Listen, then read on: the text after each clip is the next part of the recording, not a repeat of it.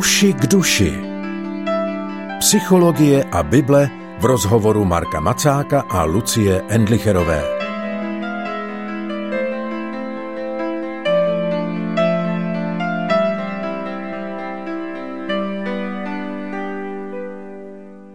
Dopamin po páté a tentokrát naposledy. Lucie Endlicherová vás vítá u poslechu pořadu Uši k duši, ve kterém jsme se v těch předchozích dílech věnovali dopaminu. A dnes tedy ta setkání završíme. Spolu se mnou je tu znovu psycholog Marek Macák. Ahoj Marko, vítej. Ahoj. Já jsem minule chtěla položit otázku, na kterou už se nedostalo, tak s ní s dovolením začnu, aby nezapadla. Já už jsem tu používala jeden příměr týkající se jídla, totiž to, že výživoví poradci říkají, a pokud si jídlo hlídáte a je to v dlouhodobém horizontu v pořádku, tak jednou za čas se klidně můžete přejíst, protože to tělo se s tím vyrovná a nevadí to. V průběhu let jsem vysledovala, že třeba se sladkým nemám problém ho nejíst, a nemám problém mu úplně propadnout a jíst to spoustu, ale vlastně ta nejhorší věc a ta největší výzva je jíst toho kontrolovaně. Tak jako akorát, aby mi nic nechybělo, ale abych to měla pod kontrolou a nepřejídala se. Je možné něčeho podobného dosáhnout i s dopaminem? V zásadě ano. Zároveň, pokud někdo už si na něčem vybudoval závislost, tak někdy zjistí, že vlastně vrátit se ke kontrolovanému užívání nějaké věci, tak je velmi těžké. Takže pro některé lidi je metou ne přestat něco užívat, ale vrátit se k nějakému umírněnému užívání, třeba té čokolády nebo něčeho jiného. Ale někteří zjistí, že vlastně jakmile do toho jako šťournou, tak jsou zpátky, kde byli na začátku. U cigaret to třeba často bývá. V tomhle smyslu je to individuální. Ideální je, když máme činnosti dostatečně uspokojivé a občas uspokojivé a zároveň se to nevyhrotí do toho, že jdeme jenom po tom nasycení. Takže v zásadě bych řekl, je to možné, ale ne u každého člověka a ne u každé situace.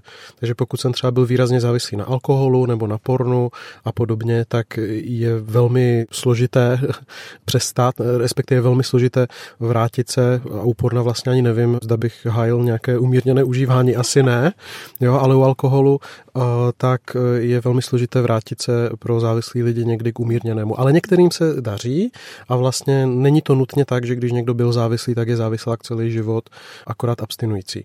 Jo, ale říkám to velmi opatrně, protože je to individuální a třeba zvlášť u těch látkových závislostí, tak tam se to vlastně málo často daří. Pak je tu ještě jedna věc, o které jsme vlastně nemluvili, nebo ne tolik. Ona tam někde byla pod čarou, ale ráda bych ji úplně otevřela. Totiž my jsme tu natočili pětidílný seriál o dopaminu.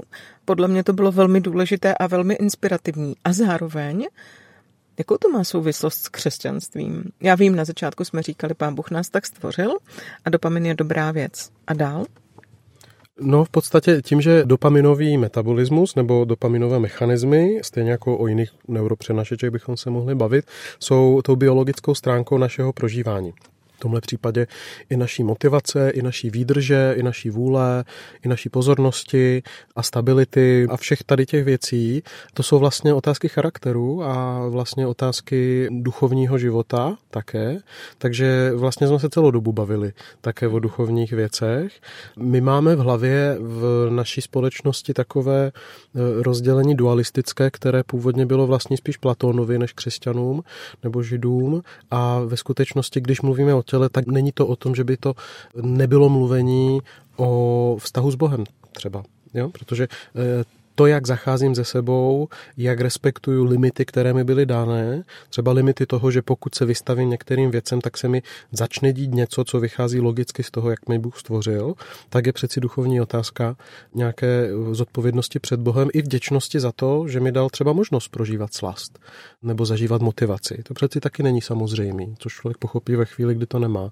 Takže celou dobu se bavíme o duchovních věcech, jenom trochu jiným jazykem. Možná ten přínos toho mluvit o tom tom takhle, myslím trochu neuropsychologicky, tak je v tom, že přeci jen mám zkušenost, že když se popíšou ty konkrétní mechanismy, tak někdy pro lidi je trošku uchopitelný, proč něco je třeba respektovat, jako to má vlastně logiku V mnoha věcech je velmi cnostný umět něco dělat, protože se to tak říká, nebo protože je to v Bibli, nebo protože umírněný život třeba se nějak bere za cnostný život, ale je nic proti ničemu a pomůže nám to porozumění těm mechanismům věřit ještě víc komplexně, nebo prostě eh, věřím, abych rozuměl. Mm-hmm. Jo, a, a vlastně mně se líbí to, že ty principy, které i nevěřící lidi, kteří zkoumají tyhle mechanismy, vlastně vedou k něčemu, co velmi dobře ladí s tím, co my jako křesťany říkáme o, ohledně umírněnosti, ohledně hodnoty jednoduchosti, ohledně hodnoty dobře odůvodněného odpírání některých věcí a zároveň toho, že tak jako křesťany říkáme, že slast je dobrá věc. Že Bůh stvořil sex, že Bůh stvořil jídlo, že Bůh nás stvořil jako bytosti, které si můžou užívat dobrých věcí, ale vlastně, že to předpokládá limity.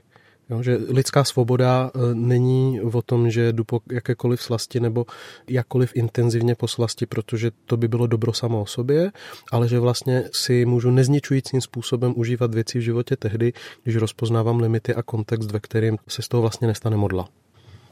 My jsme to už trošku nakousli, ale stejně to chci říct znovu. Je možné stát se nějakým způsobem závislý i na duchovních věcech, na tom, jak je prožívám, jak k ním přistupuju, mm-hmm. jak je používám v životě?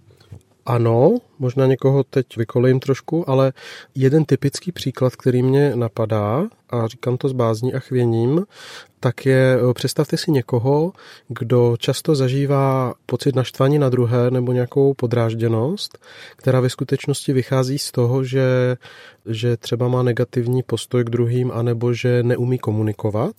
A z těch svých pocitů, kterým vlastně ani moc nerozumí, protože se ani neskouším rozumět, tak se pravidelně a často a spolehlivě dostává přesto, že si pustí křesťanský písně to je vlastně úpadkový používání, kde místo obsahu a místo toho, aby to, o čem vlastně ty písně mnohdy mluví, pokud jsou jako teologicky rozumné, tak nás vedou do hloubky a vedou nás do zodpovědnosti a vedou nás do e, reality.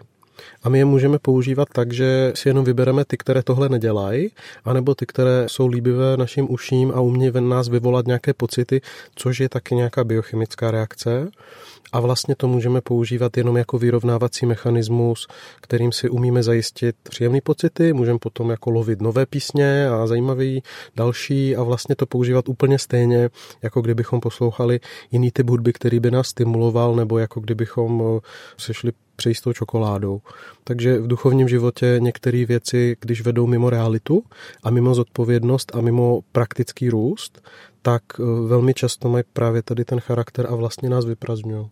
No a zároveň je přece spousta duchovních věcí, které v člověku vyvolávají ty libé pocity a nepoužívat je, proto je hodně těžké. Je to zase o umírněnosti a o realitě. Jo, jako e, já třeba mám velmi rád křesťanskou hudbu a kdysi jsem vlastně z ní trávil hodně času. Velkou část dne jsem trávil poslouchání křesťanské hudby, teďko spíš výjimečně, ale vlastně si to v něčem víc užiju a asi je to individuální. Já jednu dobu dokonce jsem měl dojem, že kvalitní křesťanská hudba má pro mě hloubku a přivede mě před Boha způsobem, který je mnohdy efektivnější než dobré kázání. Prostě pro mě někdy byl hluboký zážitek s Bohem, poslouchat něco, v čem jsem já společně s tím dospíval, vyznával nějakou věc nebo dával něco Bohu a tak. To je naprosto legitimní, ale otázka je vždy, zda je to opravdová změna, což mnohdy byla a proto to bylo třeba dobré, ale díky tomu, co vím, tak jsem si musel začít dávat pozor, zda vlastně to není o tom, že unikám od něčeho. Jo, a to je, zase je to o vyváženosti, Úplně stejně, pokud někdo se zahrabe do čtení Bible od rána do večera a největší slast prožívá, když tam objeví nový princip nebo nějaký novou věc tam jako nalezne, někdy si člověk jako začne až moc vymýšlet třeba, ale může to být takový, že vlastně ošťouráte, objevujete, pokud to země dělá člověka, který začne být uzavřený, začne být nekomunikativní, začne být protivný, začne být nedostupný, tak je otázka, zda mě to čtení písma vlastně, zda ho nepoužívám z nějakého divného uhlu a to se nám může může stát u čehokoliv. I v duchovním životě, stejně jak v běžném životě. Takže není to o konkrétní činnosti, ale jaký místo mám v životě, jakou funkci reálně má v mém životě. Ne, co si myslím, že to dělá, ale co to dělá doopravdy. A k tomu potřebuju trošku zpětnou vazbu od druhých, aby mi někdo do toho viděl, anebo nějakou sebereflexi.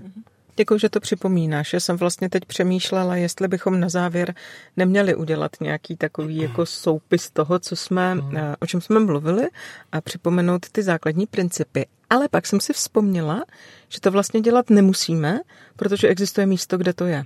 Přesně tak, děkuji.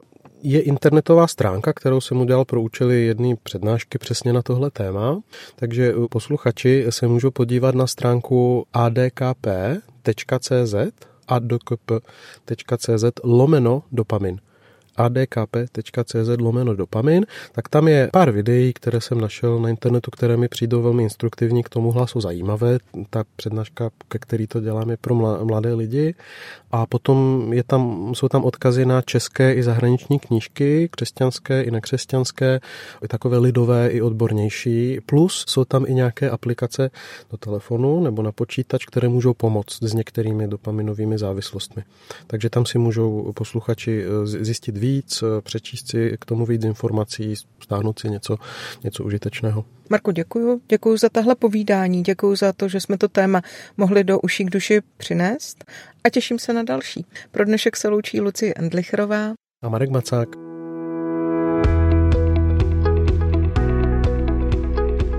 Podcast Uši k duši vznikl na Rádiu 7, které žije z darů posluchačů.